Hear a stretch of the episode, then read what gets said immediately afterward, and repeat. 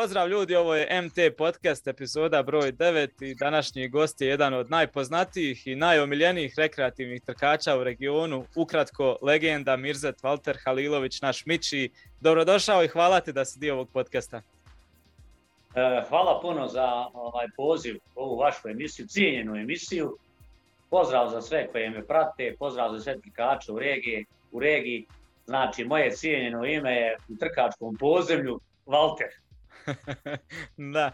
Uh, jedan si od zaista najstudioznijih rekreativaca i jedan od najmarljivijih jer treniraš godinama ovaj, baš uporno, raznoliko, kvalitetno, vrijedan si, a to se onda baš odražava i na rezultatu. Uh, što bi rekao jedan moj profesor, ovaj, nama je ponavljao uvijek pred ispite, kaže za ništa ne možeš dobiti nešto, tako da kad čovjek je vrijedan, marljivo radi, trenira, rezultat kad tad mora doći, tako je i tebi evo došao ovaj novi lični rekord na maratonu koji si nedavno istrčao u Splitu, koji glasi 3 sata, 6 minuta i 12 sekundi čestitke prije svega na tom odličnom rezultatu.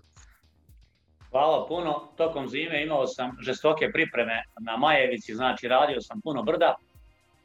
I taj, e, prije, prije tog rezultata u Splitu odradio sam jednu dobru 35 e, na 4.17. I nakon te 35 sam vidio da imam potencijal i u Splitu je to došlo da ne kažem lagano, ona brda nisam osjetio i ukupni pes je bio 4.25 što je dalo za rezultat uh, 3.06.12 što je bolje vrijeme nek prošle godine na Bostonskom maratonu za preko minute. Tako. I dobro, Odlično. dobro vidi to nabolje. Da, da, da. Koliko dugo si ovaj, čekao na ovaj rekord? Pa prošle godine sam trčao u Bostonu u de, desetom mjesecu. Tada je... sam imao lični rekord, a prije aha, toga bio rekord u Chicagu 3.11. Znači imam ja kontinuitet napretka. Mene je drago što se ovo stvaruje po minutu, dvije, sekundu. Sve je to dobro. Ne bi volio da ja neki rekord oborim za 5-6 minuta, ali kasnije bi teško mogu to da popravim. Mm -hmm, da, radi motivacije. Ja. Pa ja idem, znači, postepeno napred, napredak. Vidiš, Boston teška trka sa puno ovaj, uspona, pa isplit isto ima ono, valovito, i, a ti baš na njima ostvaruješ rekordecu, znači baš da imaš dobru pripremu.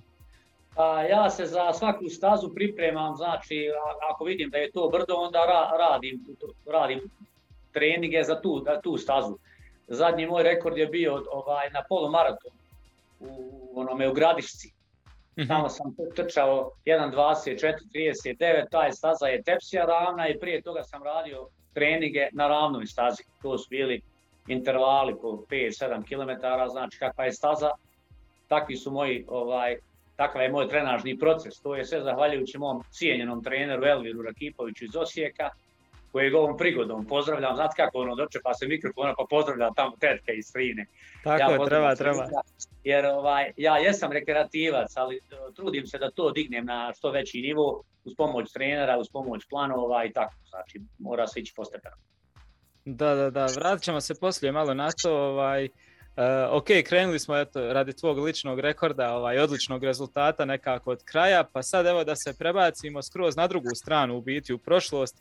E, zapravo, iako te dugo poznajem i sa trka i sa one naše rekreativne lige, ovaj, radio sam i neke tekstove, intervjue, izvještaje, ako se dobro sjećam, a sad kad malo bolje razmislim u biti, ovaj, i ne znam baš sasvim jasno ovaj, tvoje trkačke početke, kako si ti počeo trčati, ovaj, ok, znam da si kao policijski službenik imao sigurno dosta tjelovježbe, testova, kupera recimo, Uh, ali vidio sam i u našoj prepisci, u porukama i videu koji si mi poslao iz dnevnika koji uredno vodiš da se uh, u biti spominju neke trke već, ako sam dobro upratio, tamo davne 2008. godine neke kratke trke. Da nam onda to rastabiri ako možeš uh, tačno kada si, kako i zašto počeo sa trčanjem.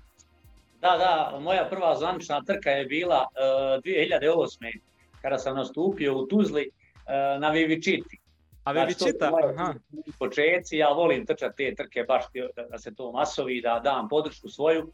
Ova, I trčao sam tu trku u Tuzli, e, bile su distance 4 km i 12 km. Ti 12 km je za mene bilo kao danas 100 km ili 200, gdje ću ja ići na 12. Idem ja na 4, moj sistem je da na svakoj trci dajem 300%. Ja sam završio tu trku 18.50, to je danas sam baš računao, to je možda pace 4.40, 4.50, jako loš pace, ova, i bio sam drugo mjesto. Ovaj, u, u kategoriji rekreativaca. I to je bila moja prva zvančna trka 2008. Onda 2009. 2010. ja jesam trčao, ali nisam nastupao na zvančnim trkama i nije to bilo ništa ozbiljno. 2012. počinju moje zvančne trke, trčim Sarajevski polumaraton i šta je interesantno za, za moju, eto, da ja nazovem trkačku karijeru, što sam ja dosta trka na početku karijere trčao sa prijateljima, znači ja dovedem prijatelja nekog, ajde hoćemo trčati, joj ne mogu ja, to ja sa njim ja njega ono, provučem kroz polumaraton i onda ganjam drugog. I tako sam ja njih nabirao ona, jednog po jednog, ja nisam ganjao svoja vremena nikako. Znači ja sam samo njih uvlačio da ima što više. I prvi moj, kao da, da kažem, značajniji rezultat je na Sarajevskom polumaratonu gdje sam trčao 1.29.57 i kasnije sam ustanovio da je ta staza bila ovaj, kraća za jedno 500 metara. Hm. To je kao malo jači rezultat. To je bilo jedno šesti, sedmi polumaraton. Sarajevski taj. To je bilo 13, 2013 je taj o, taj polumaraton gdje sam imao 1.29, ne znam, 50, tako. Znam kako sam trčao. Svake svoje trke se uh, sjećam. Sjećam se da sam išao svaku pecu 21.15, znači svaka ide u, u, u bobu. I tako. 2008. bi Vičita, znači koliko je bilo tad učesnika? Pa nije, nije, nisu bile te trke na početku ovaj, puno posjećene. Možda je bilo jedno 50 tih ovaj, trkača, ali znam da je bilo puno učesnika iz Srbije, iz Čačka. Ovaj, ti klubovi, većinom su to klubovi bili, nije tad pa bilo rekreativaca, tad je bilo sramota trčati. da. zato, zato baš i pitam, vidiš ti si nam dobar ovaj, baš uh, od početaka samih i tih ovaj, nekih začetaka te rekreativne scene u BiH u biti Uh, može, dobro, dobar si krončar, ono, baš se sjećaš kako je to dizalo se polako, evo do danas kad je, što kažeš, više nije ovaj, sramota trčati. da, da, i ovaj, šta je još interesantno, što ja od 2012. i 13. vodim dnevnik trčanja gdje se upišu, upisuje svaki metar, svaki centimetar pretrčanog, žena me pošalje da bacim smeće, ja otičim kilometar i upišem taj kilometar. Znači, mora se sve pisati. Da. I ovaj, zašto je to bitno? To je bitno za analizu kada, kada se pripremamo za neku trku pa da vidimo onaj, kako smo trčali u prethodnom periodu i ako hoćemo da dižemo mjesečnu kilometražu pa vidimo protekli mjesec kako smo trenirali i ovo ono. Evo ja sam jutro radio jednu analizu i ja sam 2020. i 2021. Uh, prosjek uh, po jednom treningu digao za 39 metara. Znači imam ja, ne znam, 280, 90 i trčanja, gdje mi je prosjek na svakom trčanju blizu 40 km u ukupnom tom mobilu. Znači, u prosjeku sam ja popravio to trčanje. Sad 2020. godine kad računam taj, 22. stvari, kad računam taj prosjek, on bi trebao da bude makar 100 metara više po treningu jednom, po trčanju. I tako se ta, ta, ta masa tih, taj kvantitet se podiže. Hmm, zanimljivo. Koliko imaš istrčanih maratona do sada?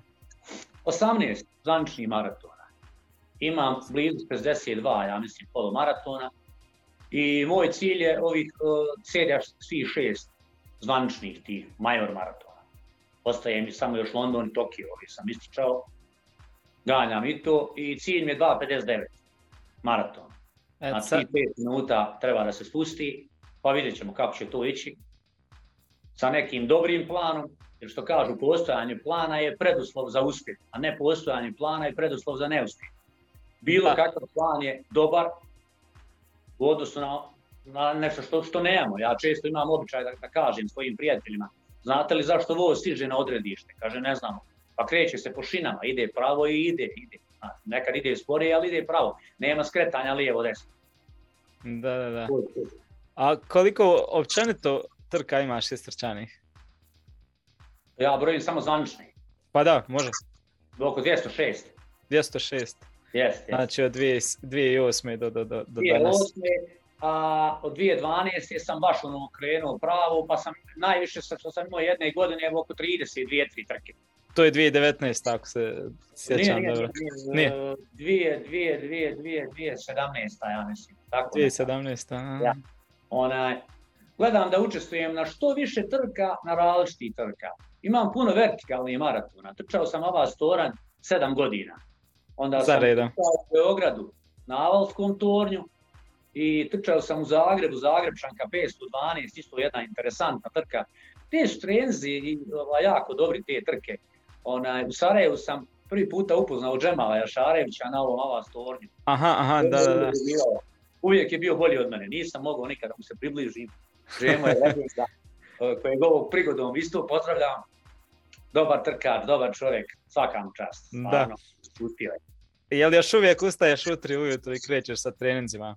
Ne u 3, 3.29. 3.29. Što nije u 3.30?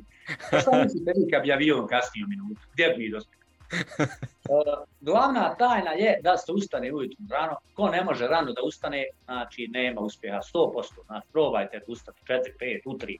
Kada sam se pripremio za bostonski maraton, znao sam ustati u 1 sat, pijem kafu do 2 sata, onda ne znam, zagrijavan idem 5000 do, do jedno pol sata, 40 minuta, radim onda šprice i nađem gospodina jednog druga Ruska, on me prati sa biciklom i idem ja, ne znam, 30, 35, ali on je tu samo za prvu pomoć, od njega ne uzimam ni gelove, ni vodu, jer je to zabranjeno. Znači, ne mhm. smije, ne smije biti niko pored vas da vam daje okrepu ili nešto. On je kao prva pomoć, ne znam, ako mi se nešto desi, da se može pomoći i tako. Osiguranje, da. Jest. I ja završim trening ujutro, ne znam, u 5 sati, už završim to sve.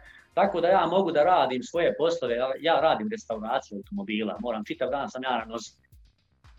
U mene su ruke uvijek prljave, prerađeno ulje, uvijek i ako ja tu perem, najviše vremena tu ovaj, provodim. Znači, trkar sa prljavim rukama. A, zato što je skup život i skupa oprema i skupa hrana i baš se mora dosta raditi da bi se to sve postiglo. Da, da, da. Kompletan. A ako nekad ne uspijem ujutru da trčim, da se nekad, ja naveče, kada, kada sve završim, idem da trčim. Pa kada, ako ustaješ u, u, tako rano, kad ideš na spavanje, kad stigneš, Ra, možda, koliko legnem. spavaš? Ra, rano legnem, stvarno, et, kad je nova godina, malo se duže sjedi, možda do 1, 22, 23, znam leći nekad u 6, u 7. Uh, uglavnom, ne gledam ja televiziju tamo do 2, do 3, do 4 ujutro, ono, ovaj, uh, treba porijedati prioritete. Znači, porodica je na prvom mjestu porodica, roditelji, prijatelji, ono, onda idu treninzi, znači treninzi, plan, mjesečna kilometraža, sedmična i uglavnom napravim sebi plan uh, koju trku ću da podsjetim, uh, da trčim i koje vrijeme se tu očekuje. Treba zadavati realne ciljeve, za šest mjeseci se na maratonu može da napreduje jedno, dva minuta, pa i tri minuta, nemojte očekivati 10 minuta, kad napredujete minutu, to je dobro. Na primjer, na petici, ne znam, 10-15 sekundi i to je dobro. Jer bitno je to da se kreće. Kao što je vama poznato, ja trčim od 100 metara do 42 i 195 metara. Ja popravljam, ako popravim tricu, uh, logično je da ću ja popraviti peticu. Ako popravim peticu, popravit ću deset. I to je moj neki sistem, da popravljam kraće trke i samim tim ću ja biti bolji na nekim dužim distancama. To je to. I gledam da treniram u svim vremenskim uslovima često mi supruga kaže, ideš sad na trčanje, vidi kiše, joj, pa ja to čekam dan. Da bude dan, simulacija, da. Pa to naravna stvar, da trčim, da izađem po kiši, pa šta ćemo sutra kad dođemo na, nek, na neku trku, kaže kiša, snijeg, led, poplave, pa šta ima veze, idemo, čimo i dođenja. Da, ja, da. Trčao sam Vladanom Stevanovićem, onaj Chicago maraton, četiri stepena, na startu, vjetar, duva, u Mostaru, u Splitu, ubi vjetar, ali idemo, došlo si tu da trčiš, niko te ne pita, idemo, oprema i deri. Deri.com Nema. Ishrana je jako bitna. Jedem puno ribe, mhm. piletina, puretina i šta je još bitno? Vaganje ujutru. Kada se ustanemo, vaganje. Idemo WC, završimo to sve što treba i vaganje.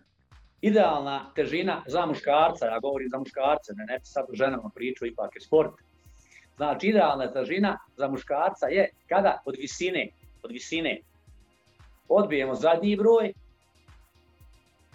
prvi broj kad odbijemo, ja sam visok 180, odbijemo prvi broj, ostane nam 80 i na taj broj dodamo 3 do 5 kg. Mm -hmm. Znači, ja visok 180, odbijemo jedinicu, ostane nam 80. Na to dodamo 3 kg, to je 83 kg, ili dodamo 5 u 85. Ali to je idealna težina za muškarca da bude fino građen, da kaže neko, evo vidi ga kako je dobar, kako je zgodan, ovo ono. E sad, ako mi se bavimo trčanjem, onda se odbija prvi broj i ostane nam 80, to je za neke rezultate rekreativne, da kažu evo ovaj ima dobre rezultate, ovo ono. Mhm. Ako mi hoćemo još da napredujemo, onda skidamo još 3 kg. Ja sam sada skinuo još 3 kg. Ja sada imam 77 kg i 100 grama ili 150 grama. Ja tačno znam koliko imam svaku jutru. Znači imam 77, a visok sam 180. Za napredak. Ako hoću još da napredujem, treba ići još koja kila. Mhm. Mada su svjetski standardi minus 10. Znači da ja imam 70 kg. Prvo me se otac odregao, pa onda Znači, obično mi kažu šta si to sa sebe uradio, a ima stomak XXL i nema zubi nikad. On meni kaže, šta si to sa sebe uradio? Ko, ja ili ti? je ta vaga, vaga glavna i šta je bitno još? Da imamo dobru, urednu stolicu. Obično pitaju kakva ti je stolica, kad je dobra iz Ikea. Zna. Ona, stolica mora biti uredna, to se rikta uh, lako probarljivom hranom, jabuke su dobre, sirutka je dobra, i to treba sve trenirati kada su nam treninzi dužine ili neki jači treninzi. E, znači kad imamo neki trening koji hoćemo da odradimo pravo, da sutra ja imam dužinu neku, ja ću danas u toku dana zadnji, e, zadnji obrok da jedem oko 13 do 14 sati, nakon toga idu jabuke, 3, 4, 5, 6, 7, nekad i 8 komada, hm. onda ustajanje rano u 3, 4, 5, kafa se pije, odlazak u WC, ako ne odete ujutru prije trke, nema ništa od rezultata, to dobro zapamtite. Dosta ljudi će slušati ove ovaj, razgovore, intervju, da nešto nauči, jer ja sam neki dan slušao u Sadu, Gurić, stvarno svaka čast za onaj intervju. Ja, da. ja taj savjet nekome, ima trkača koji su puno bolji od mene, ja njima ne dajem savjet, ali eto, ako neko hoće već da posluša, od ovih koji imaju neke lošije rezultate, koji hoće to da dignu na neki veći nivo, da je uredna stolica jako bitna, da mi idemo na trening ili na takmičenje rasterećenja, a ne da mi čekamo, hoćemo tražiti WC ili nešto. Dalje, što se tiče konzumacije tekućine prije na dva sata, ja prestajem piti tekućine. Znači, mm. nema potrebe da, da ja pijem do pred samu trku. Ovaj, tu. I sve svoje treninge, dužine ili ove neke jače treninge, ja koristim okrepu, okrepu, znači koristim BCA i koristim gelove. Mhm. sve I kad dođem na trku, ja samo to preslikam, nema šta, je, hoće li meni taj gel izazvat nešto. Ja sad ću u, u narednom periodu pokušati da testiram one, one male proizvode od meda, ovaj, pakovanje meda. Pa ću to vidim da dosta ljudi i to koristi, da vidim da li to može da bude zamjena za gelove. Jer gelovi su u zadnje vrijeme jako skupi, sad je gel 5-6 maraka, ja radim trening žine, treba mi 6 gelova, tu je 40-50 maraka. I ovo ono, znači hoću da probam te, taj med, mm možda, možda bi on trebao da, da ima neku zamjenu, a ovaj BCA njega koristim u zadnje tri godine, on je, on je I nakon e, jakog treninga ili trke, unutar 10 minuta da se popije glutamin. Ja to je dobro pravo, super. Za oporavak je on vrhunski. U biti da, jako je važna, najvažnija simulacija na treningu onoga što će se dešavati na trci. Ovaj, I baš si neko ko je stvarno sa jako puno iskustva godinama i a, imaš kontinuitet popravljanja rezultata i to dobri rezultata, tako da ono, ovi savjeti zlata vrijedni, ali samo ćemo još napomenuti da isto većinom je to sve individualno, ne mora znači da svakome odgovara, tako da ono ljudi, samo da napomenu napravimo da, da uzmu sa rezervom naravno, ali jako, jako dobri savjeti. Dobro, svaki organizam je individualan, meni često ljudi kažu, te zovi trenera da mi pošalje plan za, ne znam, peticu za desetku. Pa ne može on tebi poslati, on mora prvo da vidi kakav si ti na milji, kakav si na trici i da ti na osnovu toga imaju neke propozicije kako se to pravi. Da, da, da. A to isto važi i za tu ishranu i za naravna stvar, svaki organizam individualan. Treba tu probati na trening, uzme se jedan gel. Uglavnom, ta, to možda puno nešto ne, ne pomaže. Ja sam zadnji rezultat sada kada sam ističao u Gradiškoj, imao samo jedan gel. Znači, šta je bitno jako? E, da mi znamo svoj potencijal. Ako mi znamo svoj potencijal, svaku trku ćemo mi da krenemo sa tim potencijalom sa kojim mi raspolažemo. Ne možemo mi krenuti, mi možemo krenuti jako prvi 500 metara ili nešto, mi se moramo vratiti svoj pace, tačno se zna kako ide. Ja kada trčim neki onaj polumaraton ili nešto, ja mogu da krenem prve ovaj, 3000 dok se ne izvučem iz one mase, ali ja znam kako ću krenuti dalje do 7, do 15, sve se zna tačno kako se ide. Jer onaj, zadnjih tih 6-7 km, to je namijenjeno za, za, za crvenu zonu, a nije crvena zona na početku. na primjer na polumaratonu. E, koji su sistemi da zadnji dio se ostavlja ovaj, crvena zona od 15 km do kraja i tako. Ili na maratonu, da treba do 36 km sačuva dobro snagu. I šta ja još koristim na trenizima, da uvijek zadnje dijelove radim jako brzo. Ako radim dionice, 10 dionica, za zadnje 2-3 moraju biti najjače. Ili ako radim maraton, polumaraton, zadnji par hiljada mora biti najjači, zadnja hiljada mora biti najjača. To je takozvani dugi finiš. Da, da, da, to sam ja isto koristio uvijek.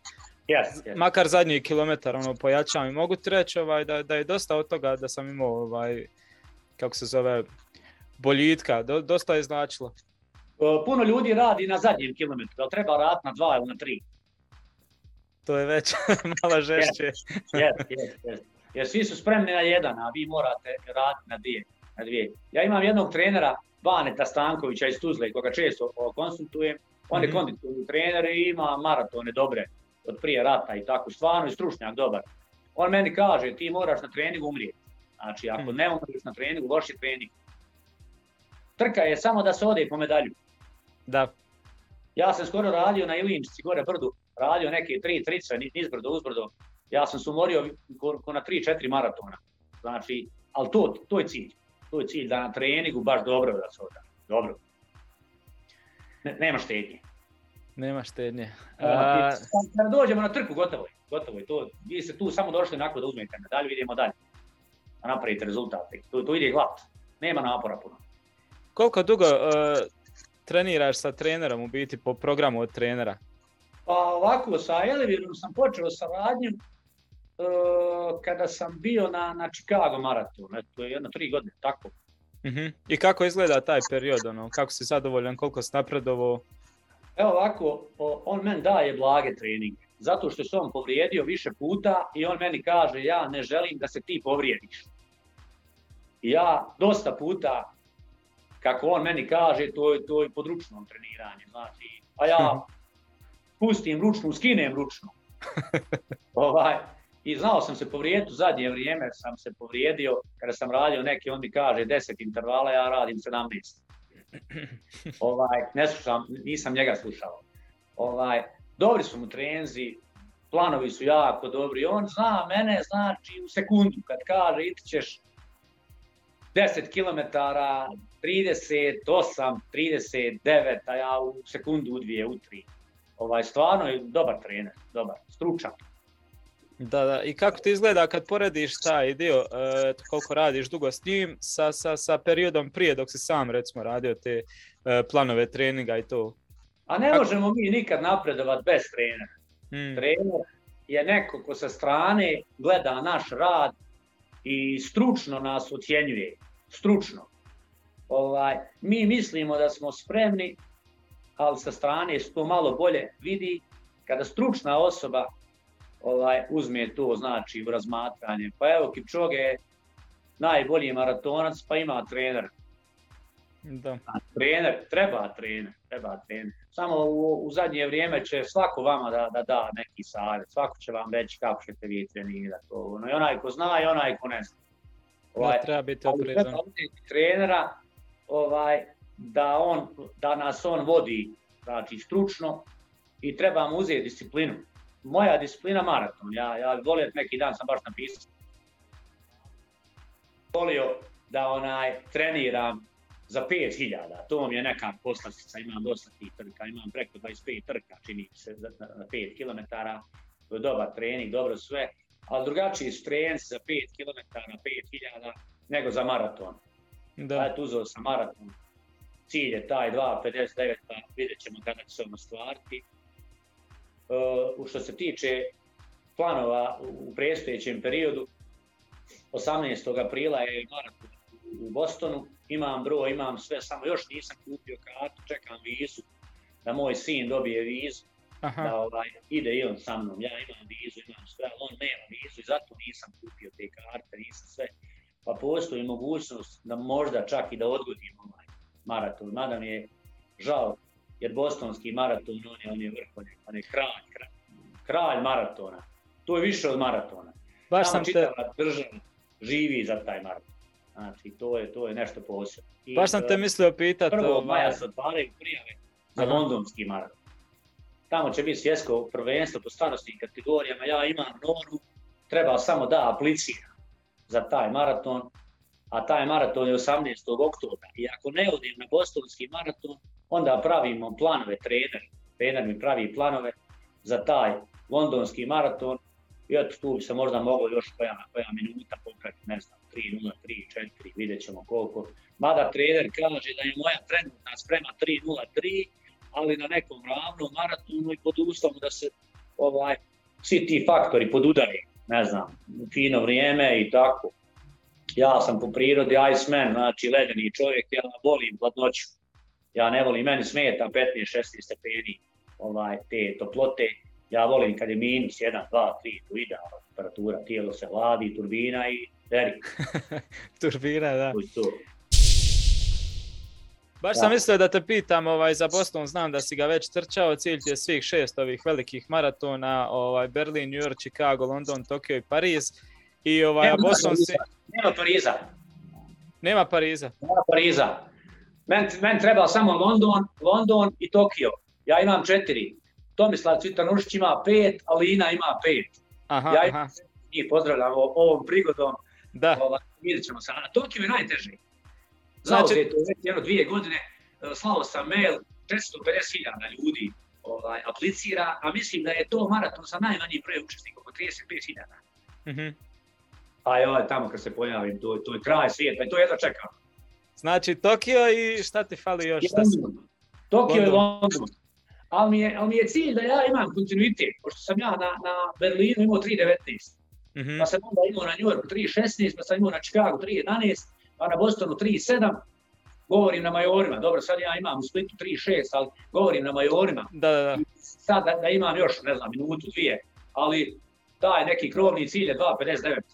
To je 5.4.14, možda čak 4.13, nisu sve staze iste, neka staza malo je duža i moramo se pripremati. Oni kažu 4.15, ali ne mogu jedan trčati idealnom putanju. Uvijek bude staza malo duža. Znači 4.14, to je umri muški zadnji dio. Tu pati a to jedno čekam. A da bi, to, da bi to postigao, moram desetku popraviti. Desetka, ona mora ima, ići 1.37 i nešto, sada imam 38, 35, desetku. Mm -hmm. Neki dan sam peticu trčao na treningu 18.44, mada je zvančna u Sarajevu kočerije na, na, me, na ligi 18.42, koga ovom prigodom pozdravljam, sad će isto ovaj samo pozdravljam. Znači 18.42 moram popraviti desetku, moram popraviti peticu polumaraton je dobar, 1.24, tu je tu negdje, tu je tu negdje. I sada prije Bostona ću da odradim jednu 30 u dobrom pejsu. Znači, što jači pejs, to je isto ključno za maraton. Da se dužina odradi u dobrom pejsu. Ja sam ranije radio dužine 35 km na tempu 7-8. Kakav je to pejs? Tim pejsom se sadi paradajz. Ja ne mogu da to. Ako već spominamo za maraton, tražimo pace, ne znam, 4.40, pa radimo dužine u tom pace I to je to. A zašto opet Boston? Eto, dobro, rekao si da je to baš maraton svih maratona, ono, ali u tako kratkom vremenu opet se vraćaš na Boston, a ono, resursi i to sve, ono, za, a, sve, zašto? sve znam, zato ću ga možda da odgodim stvarno, je skup, ono, ali imam puno prijatelja ovaj, koji me podržavaju, imam jednog divnog gospodina Azama Derviševića, u Bostonu koji je ugostio mene, ugostio je Daniela Ikicu iz Osijeka, jednog sjajnog trkača, ugostio je Janeza Marojevića ovaj, iz Hrvatske, sa Hvara, mada oni kažu sa Hvora, tako kaže, tako kaže kod nas, sa Hvora. Sa Hvara, znači, onaj, njega je ugostio i čovjek nam je stvarno pomogao, dao nam je kuću, dao nam je auto, dao nam je sve, stvar, ovom, pri, ovom prigodom i njega pozdravim. Da, to pratio sam. Bostona. naši ljudi su spremni pomoći. Kada sam bio onaj u, u, u Čikagu, gospodin Marko iz Širokog brijega, također je pomogao trkačima i meni i, i svima, svima, onaj Mončar, gospodin Marko, hoće ljudi pomoć naši, izaći susret, da nas dovezu, odvezu, e, da nam nađu tamo smještaj, stvarno, svaka čast. Jako lijepo, da. Ne gledaju ljudi na naciju, to je to, svaka čast, super. I tako, ali Boston, Boston je nešto, stvarno je to, to, to dobra trka. E, teška je, teška je radi brda, volim ja kad je to nešto teško, nemoj da idem nešto na, gdje to ide glatko, da to ide da tu. Znaš, Samo hardcore. to, to, se dere. Kada završim trku, skinem patike i ako vidim da mi je nokat crn, znači to je, to je dobro. bilo je bilo ljepote Na svakom maratonu, na jedno 30, 31, 2, 3, 5, 6, na, nailazite neke krize, gdje se mi borimo, ja jedva čekam da dođe to, da, aha, to je to i to, to i to, kažem joj neću više, hoću više, ovo ono, teško mi je, završim trku, odmah tražim drugu. Hm. To se svima dešava, ne samo meni. Da, da, da. To je taj adrenalin. I tako, maraton je nešto posebno i nije to dva polomaratona, to je tri polomaratona. to je tri polomaratona. Ali se mora imati dobra mjesečna kilometraža za maraton. Preko 350 je ono da kaže, evo ga, ovaj je dobar pravo. Mada sam ja imao nekad po 400, 2, 3 km. Hm. I šta je još dobro, šta sam ja primijetio, da se treba raditi dobri maratonski intervali koji su sad u zadnjem periodu kod mene trajali po 7 km. Znači jedno, tri, četiri sedmice u maratonskom tom pejsu ili petice. Znači što je duža trka, duži su ti intervali. Vidio sam tamo da Tuka radi 300 Znači, uh -huh. 300 njemu, njemu taj interval. Da, a cilj ti je znači 2.59. Ovaj... 2.59, ja se neću ukanti ovom prigodom, znači garantujem da će to se desiti, sad ne mogu ja reći da će to biti sutra, prekšta, u subotu, u dva, ali to treba se desiti. A to će se desiti ako ja budem uh, popravljao svoju 30 i popravljao svoju 32 i 35, znači da to spuštamo, spuštamo, to se desiti. Ja sam nedavno odradio jednu 35 na 4.17 imam 32 na 4.14, znači ja ću to popravljati, popravljati i to će samo, znači, desiti, ali sad vidjet ćemo. Znači, vjer, vjeruješ da ćeš uspjeti? Pa trebalo bi da uspjeti. Znači, moramo vjerovati. Ne, ne mogu ja reći, neću, ja ću uspjeti. Znači, idemo polako, polako, napredujemo. Ovaj, bitan je taj plan, bitne su to, te kraće, kraće trke. Desetka je trka, znači, top trka. Top trka. Sa njom se popravlja sve. Desetke rokate, pa imate dobru 15 pa polumaraton, iz polumaratona izlazi to i to. Ima dobra, dobra onaj, teorija pet tempa, znate vi tu da napomenemo našim gledalcima mali i veliki ekrana. Znači, vaše vrijeme na 5 km, na 10 km, puta 10, puta 5. Znači, vaše vrijeme na, na 10 km puta 5, minus 10 minuta. To vam je vaš potencijal za maraton. 5 desetki minus 10 minuta. Potencijal za maraton. Eto, izračunajte i vi sebi. Ovaj, to je jako dobro. E zato treba desetku raditi što jače. I šta sam još onaj skužio u zadnjem periodu, da zadnji trening dužine odradim 14 dana prije maratona. Ranije sam radio na 21 dan, a, ra, a prije toga sam radio na 28 dana. Mm -hmm. Razgovarao sam sa Islamom Džugumom i na, sa Seadom Kondom kako su oni radili u svoje vrijeme u, u tapering fazi, kada, kada im je bio taj zadnji trening dužine. Džugum kaže 14 dana, a Kondo kaže 21. Hm. Za trkače koji se brže oporavljaju, koji su malo, da kažem, žilaviji, mogu na 14 dana. Mogu na 14 dana, za koji imaju malo više od tih kilometara u nogama. Znači, da. mogu na 14 dana da odrade zadnji trening dužine. I to jaki trening. Ja sam to radio u prethodnom periodu i eto, bilo je to dobro. E šta se sada radi u tih 14 dana prije, ove, prije trke? odradi se još jedna desetka, jaka desetka, jaka hmm. desetka.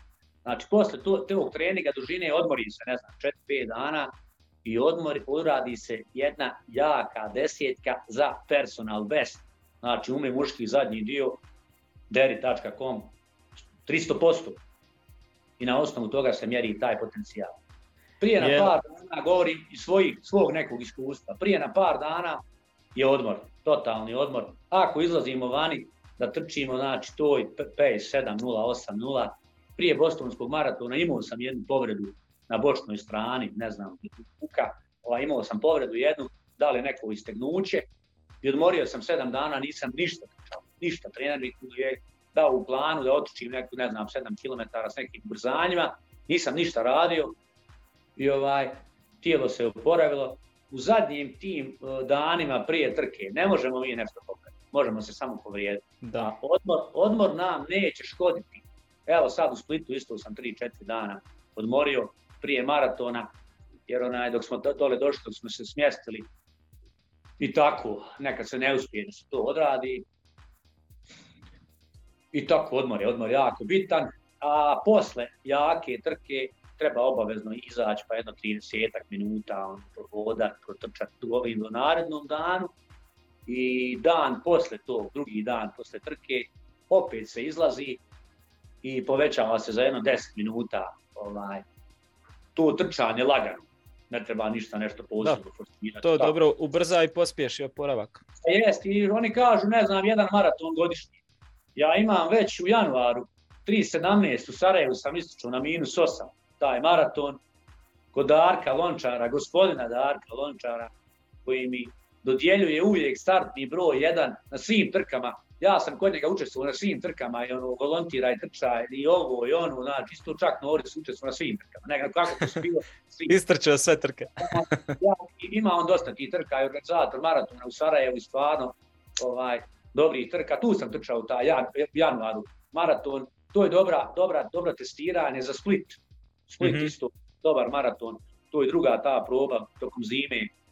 Ljudi treniraju, rade. I da se vratimo, kažu da je godišnje, ne znam, jedan maraton. Može se trčati više. Ja imam, eto, koliko imam, već dva komada. Ovaj, prilično dobra. Eto, za mene su dobri, možda za nekog nisu, ali za mene su dobri ti maratoni. Vidjet ćemo sada, hoću trčati Boston, ako ne, naći neki maraton, pa će biti i taj London, ili su nas neki drugi. Trču sam ja 5-6 komada. Može, može sigurno to. to. Da. Jedan, Da mi reci, ovaj, kako, kako se osjećaš po pitanju svojih limita? Jel osjetiš da, je, da su blizu tvoj limit ili da imaš još baš prostora? Vizavi ovog rezultata kojeg sanjaš 2.59 u biti. Evo ovako da vam kažem nešto, otičao sam, imam tri maratona u Beču. Prvi kada sam otičao u Beču maraton, trčao sam 3.29.03, e, to je bilo možda moj, moj peti, šesti maraton po redu. Do 36 km išao sam, znači derem ja, hm. po, po gasu Ništa nisam koristio, ništa. Ni BCA, ni magnezijum, ništa. Ovaj, znam ta prolazna vremena da sam prošao prvi polumaraton 1.32. Znači, baš sam išao. I ovaj, jedno 7-8 dana sam upalo, nisam mogao supu jesti. Posle toga, sada, otičim, ne znam, ovu sad u Splitu 3.06.12, sutra sam već nov. Mogu prati već ženi, mogu prostirati tako, znači, već sam, već sam društveno koristan. onaj, e, nema limita. Limiti ne postoje, limiti su u glavi. Mi poredamo sebi, dobro ja sad kad ulazim u neku, neku starostnu tu granicu, ja imam sad 52, u, septembru 53, ovaj, mi jesmo stariji, ali može se. Mhm. Može, nema limita još, onda radimo malo planove, podiže mjesečnu kilometražu, ja imam u januaru 3-2-1 km, februar 3-2-4, e, cilj za mart je 326, znači 2-3 km ili 330. Podižemo mjesečnu, ubacujemo, ubacujemo brzinske treninge, edukujemo se više, ja puno čitam stvarno, imam te literature o treninzima, pratim kako su drugi napredovali, kako se može napredovati, pitam, nije me stid pitati. Tako, pratim isran, pričali smo malo prije, riba, piletina, puretina, bijela mesa. Permant ne konzumira, alkohol, ništa, cigarete, ništa. Kaže, rekao mi doktor, kaže da moram slušati. Pa šta će doktor govoriti? Šta će doktor govoriti, ti moraš slušati. Šta će policajac govoriti, nemoj ti krast. Rekao mi policajac da ne, ne moram krasti sudija. Pa valjda ti znaš da ne smiješ pušiti. Moram slušati 50 kila, moram ovo, rekao mi doktor. Pa ja ću reći tom doktoru koji mene pita, koji ima stomak XXL i mene pita. Mora njem doktor reći da stvarno su smiješni. Pa je li tako ili nije? Da, da. Uh... Kontinuirani trenažni proces, kontinuirani. Znači svaki dan moramo nešto raditi. Vježbe snage, kor se treba raditi, stomak je jak, on nam je glavni stup stabilnosti, moramo raditi. Zamjenski trenzi, često se spominje u literaturi zamjenski trenzi, biciklizam, pješačenje, bilo šta drugo. U mene zamjenski trening, čekić, majzlo, pa ja udaram čitav dan, tu je zamjenski trening, mjenjače nosi, motore. da, da, da. Trebam plastenik da usavršam, to je zamjenski trening. Pa to je to, to je to. A, pokazao si mi u onom videu neki dan u našoj prepisci ovaj, da vodiš svoj dnevnik i baš uredno ono, bilježiš svaki trening, svaki pokret, malo te ne. Ovaj, kažeš da to oduzima jako puno vremena, ali da se bez toga ne može napredovati. Ovaj. Da. Pa kak... da. Jezbe snage, one su glavne. Znači, mm. njih možemo staviti u, u nivou, nivou sa trčanjem. Trčanje je jedna baza, to je osnova, šajsti moraju da trče, ali da bi se to sve moglo postići, mi moramo raditi vježbe snage. Bilo mhm. koje vježbe snage, običan sklek, ne, ne treba vama teretana da dajete pare, da idete, znači obični sklek. I kako treba početi? Treba početi sa jednim komadom. Jedan komad uradite, jedan, jer za 365 mhm. dana imat ćete 365 komada, a sada vi koji ne radite to, vi nemate ni jednog.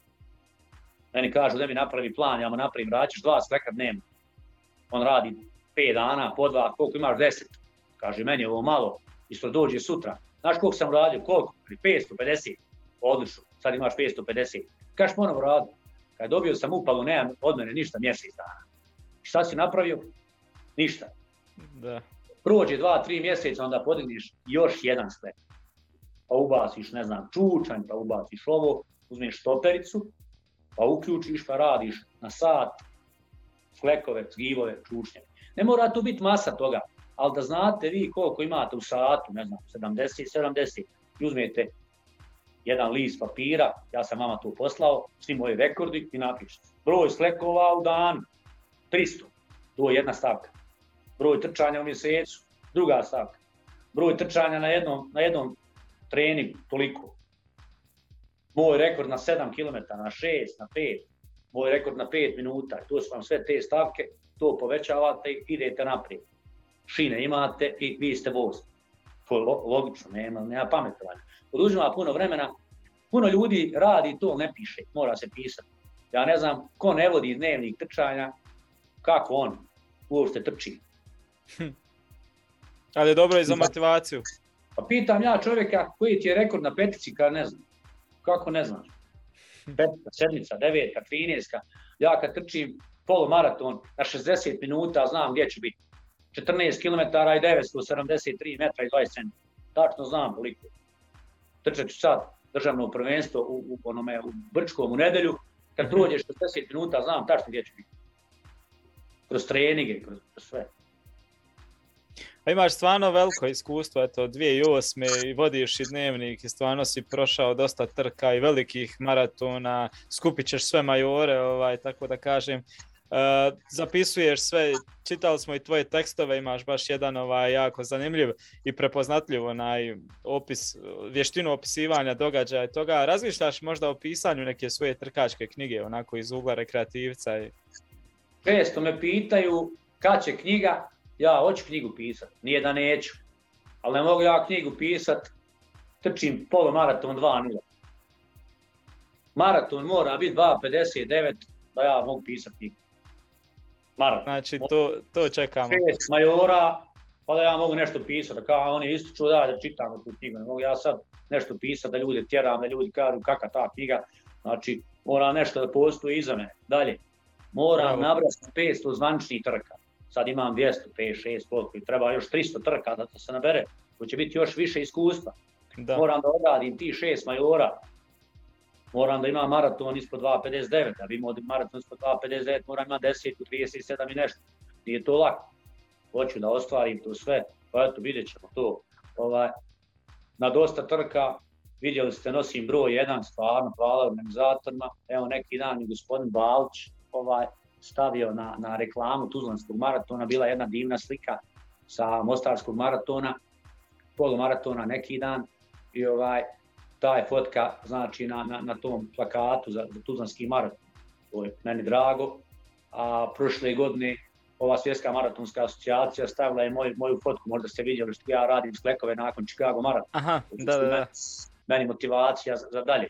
Puno ljudi me prati ovaj, na, na dosta trka, na dosta trka, na 90% trka o, ja ne plaćam startinu, ja platim, oni mi vrate.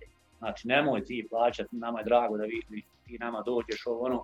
Ja se trudim da na dosta trka dođem. Evo sad u subotu ima trka na, na konjuhu kod Denisa Šabanovića. Ja mm -hmm. idem na trku, 5 km planinska ta trka. Idem neću jako, a već naredni dan ja sam u Brčkom. Brčkom državno prvenstvo, nastupam sada za AK Sloboda Tehnograd, ovaj, nastupam u polumaratonu. A u oktobru je taj državno prvenstvo u maratonu koji će se održati u Tuzli. Tu ću isto nastupati sa klubom. Gledam da se pojavim na što više trka. Moj, moj o, taj raspored je stvarno preblokiran. Ima jedna trka u Bihaću, gore onaj polumaraton, polumaraton u stvari u Bihaću ima, čini mi se da je trećeg sad narednog mjeseca četvrtog. Mhm. Možda i gore da odem. A možda ću sve već naredni dan da idem u Beograd pa da idem da Boston. Moram se pojaviti na što više trka da dam doprinos da da pomognem ljudima, koliko ja mogu da Na nekim trkama idem 300%, na nekim ono baš dođem da, da dam podršku. Da, a, Kao da trening dobro dođe. Širok krug prijatelja. Imamo u Srbiji prijatelja, mali milijon. Da. cijeli region, da. Te da, trkačka da. ikona nema. Ovaj, oni kad dođu ovam, prošle godine, pret, pretprošle godine, vraćali se iz Mostara, Zdravko Mišović, i on mene zove, rekao, dođite na kafu, kod mene svi, Kad ima nas više, ma nema veze, nas ima 300, kad je bus, ogroman bus, svi dolaze. I oni su bili baš u žbinicama, to je stvarno, ludnica.com. Dobro je bilo, ima, ima dosta trka u Srbiji. Ja volim da nastupam, ima u Kuli, trka 10 km, ta, ta trka okupi dosta ljudi i bude jako toplo. Jako toplo. Volim tu da nastupam. Kako ide sa restauracijom automobila? Pa ide to non stop, e, ti automobili se rade dugo, znači radi se, jedan automobil se radi 7 godina. 7 godina. godina. 7 godina ja tu idem u minus, idem da napravim. Napravio sam ovaj, prošle godine jednog e, T2A kamioneta, drvene strance, to je jedina serija što je Volkswagen radio sa drvenim strancama. I to e, desetak šarafa zavrćeš čitav dan, tri čovjeka zavrće. Znači kako ćeš to postaviti da ima tu simetriju, da, da, to, da to glista. I direktor Volkswagena u Sarajevu iz, iz Vogošće ima onaj jedan pogon Volkswagena, me kontaktirao da taj kamionet ide u Sarajevo gore u Volkswagen, taj fabriku, da bude kao eksponat. Mm -hmm. Prodat je, nisam ja pristao, nema tu mene. I šta ja imam tu, malo kako kešiovusa. Da, da. Prije toga Porsche isto, salon je tražio isto, zato što je to Porsche karoserija. Ona, I prodate skoro u Austriju, u mhm. Tirol. Mm -hmm. Čovjek ima Volkswagen servis i uzeo je taj, taj, to, to mog kamioneta. Tu, tu radi 50 ljudi na tome. Vi radite struju, ovaj radi drvo, ovaj radi ovo. Mi radimo jedan dio sklapanje, rasklapanje, motore, mjenjače i to, to je teško napraviti. Ista auto To je, to je baš ali je zanimljivo. Zanimljivo raditi, gledati, gledati, gledati kako jedan taj projekat znači dobiva svaki dan. Ovaj, isto kao plastenik, kad posadimo plastenik, pa vi gledamo kako taj, na primjer, Paradise napreduje. Da. Kako ide, Trebate da snimati to. Imam ja, imam dosta snimaka, imam stvarno to i to. Pa na YouTube pravite ova video, to je sad jako popularno. Prati, prati to i objavljuje to. Dobro, dobro. Uglavnom se stiže, ali ne može se stići ako nećemo ustati rano. I, I ja ujutru kad ustanem pijem kafu, moj nes kafa je moja, znači ujutru ne, pije se nes kafa, gurabije od pekmeza. Moja mati pravi gurabije od pekmeza To je tajna. Znači, guravi od pekmeza i ja napravim jednu listu e, dnevnu šta ja u toku dana treba da, da odradim. Evo sad, u 9 sati snimanje za moje trčanje, u 9, u 10 sati, evo javi se ovom gospodinu sa što me je zvao 700 puta, a ne u 10 otići ovamo, u 11 ovamo, ovo ono, na večer trening, ovo ono, bude tu 20, 30 stavki, ovaj, šta treba da završim. Naredni dan što se nije završilo, prebacuje se i gledam da tu završim. Uglavnom sve po planu i programu, da. Dobro, dobro, dobro, ide, ide, napreduje pomalo, radi se, trenira se, ide se ka cilju. E, što se tiče našeg kluba Ark Rekreativci Tuzla, mi imamo neki poteškoća, pa zato sam ja sada prešao ovam drugi klub, ovaj atletski klub Sloboda Tehnograd. Nastupam za taj klub da imam ovaj neki klub ako već nastupam na državnom prvenstvu, da me ljudi... Da, ona, da može se prijaviti Da imam neki rezultat. Mada sam u onom prošlom klubu izveo oko sedam generacija škola trčanja. Svaka je imala oko 50 tih onaj, članova. Imamo stvarno jaku trkačku zajednicu u Tuzli. Većinom su to žene. Većinom žene. Bilo je nešto muškaraca, ali eto, u zadnje vrijeme ta ekspanzija, pa većinom su žene. Svaki mhm. dan zovu kad će neka škola, kad će ovo, kad će ono, ali ne mogu to sve da stignem. Imam svoje treninge, imam rad oko tih automobila, mogu pomoći nekim savjetima, doći na neki trening, nešto pomoći, ovaj, a teško mogu sada u, u ovom periodu da, da se angažujem na neku obuku i, i tako. A znači ima e, interesovanja za, za školu da, da se ima. širi tamo u Tuzlanskom kraju? Ima. Vidjeli ste i sami da je u Bosni i Hercegovini ekspanzija u trčanju, svi gradovi i sve više ima trka. Sada svaki da. grad, što neki ima po dvije, tri trke, razne, ljudi trče, druže se, pa trčanje, antistresni program, stvarno je, što kažemo, nešto najlakše. Potrebne su nam patike i idemo dalje. Majica, možemo na zaposlenika i doviđenja. ja. Da, ovaj, evo ne znam imaš nešto za poručiti kolegama, trkačima širom regiona. Pa imam za, za, za ove, ovaj, sad sam ja upu ispod 1.25, to je Ersan Bijetić i ovi, ona braća Delić i Alen Raonić, ima ona Alen Memić u Sarajevu. Nema nas puno, ima nas jedno 7-8 komada, to je zona sumraka između 1.20 i 1.25 i tu će biti zanimljivo ove godine da se ganjamo a ispod uh, e, 1.20 je Samir Halilović, on je pobjegao, njega ne možemo već stići, a ima ova zona sumraka, ima tu da se ganja ove godine. I šta sam još zaboravio napomenuti, da sam prošle godine kupio uh, Nike pačke, mm -hmm. uh, koje stvarno daju, daju uh, dobar doprinos svim rezultatima. Pa oni koji su u mogućnosti da uzmu Nike patike, ove polikarbonat, znači Nike Fly, 4% koji zovu, znaš. Ovo je sad već reklama, ona. ne, žestoke, žestoke, ozbiljno, dobro, ne mora biti reklama, znači staje patike samo, ne mora. Ima, ima Adidas isto proizveo, mada ja u Adidas patikama, znači mogu baciti smeće, tako, ali samo Nike, Nike oprema, moja je samo Nike. Ja imam dizalicu kod kuće, malo slikat ću vam kasnije, to dižem auta Nike. Švedska, dizalica Nike, piše, piše na njoj Nike. E, dobro, hvala ti puno za ovo gostovanje. Želim ti stvarno puno uspjeha u nastavku sezone i cijele karijere. Jedva onda čekamo tih 2.59 i da svih šest istrčiš ovih majora i da tu knjigu dočekamo. Ovaj, to će baš biti nešto ovaj, jako zanimljivo i fantastično vjerujem. Tako nema, da... nema, nema na čemu, vama isto hvala za, za poziv, za gostovanje u vašu emisiju i pozdravljam uh, kompletnu trkačku zajednicu posebno rekreativni trkači, stvarno, oni su, oni su i moja podrška i znam ih puno. Ovaj, neću, neću zaboraviti da pozdravim misionalce naše, Aliju Imamovića, ima još Srđana Samarića iz Brčkog i tako, ima, ima tih trkača koji su u zadnje vrijeme dosta napredovali, Davor Vidović i ovaj, Hastor iz uh, Goražda. Da. I tako, sve u svemu dobro, dobro druženje, pa se vidimo na nekim trkama. Svakako.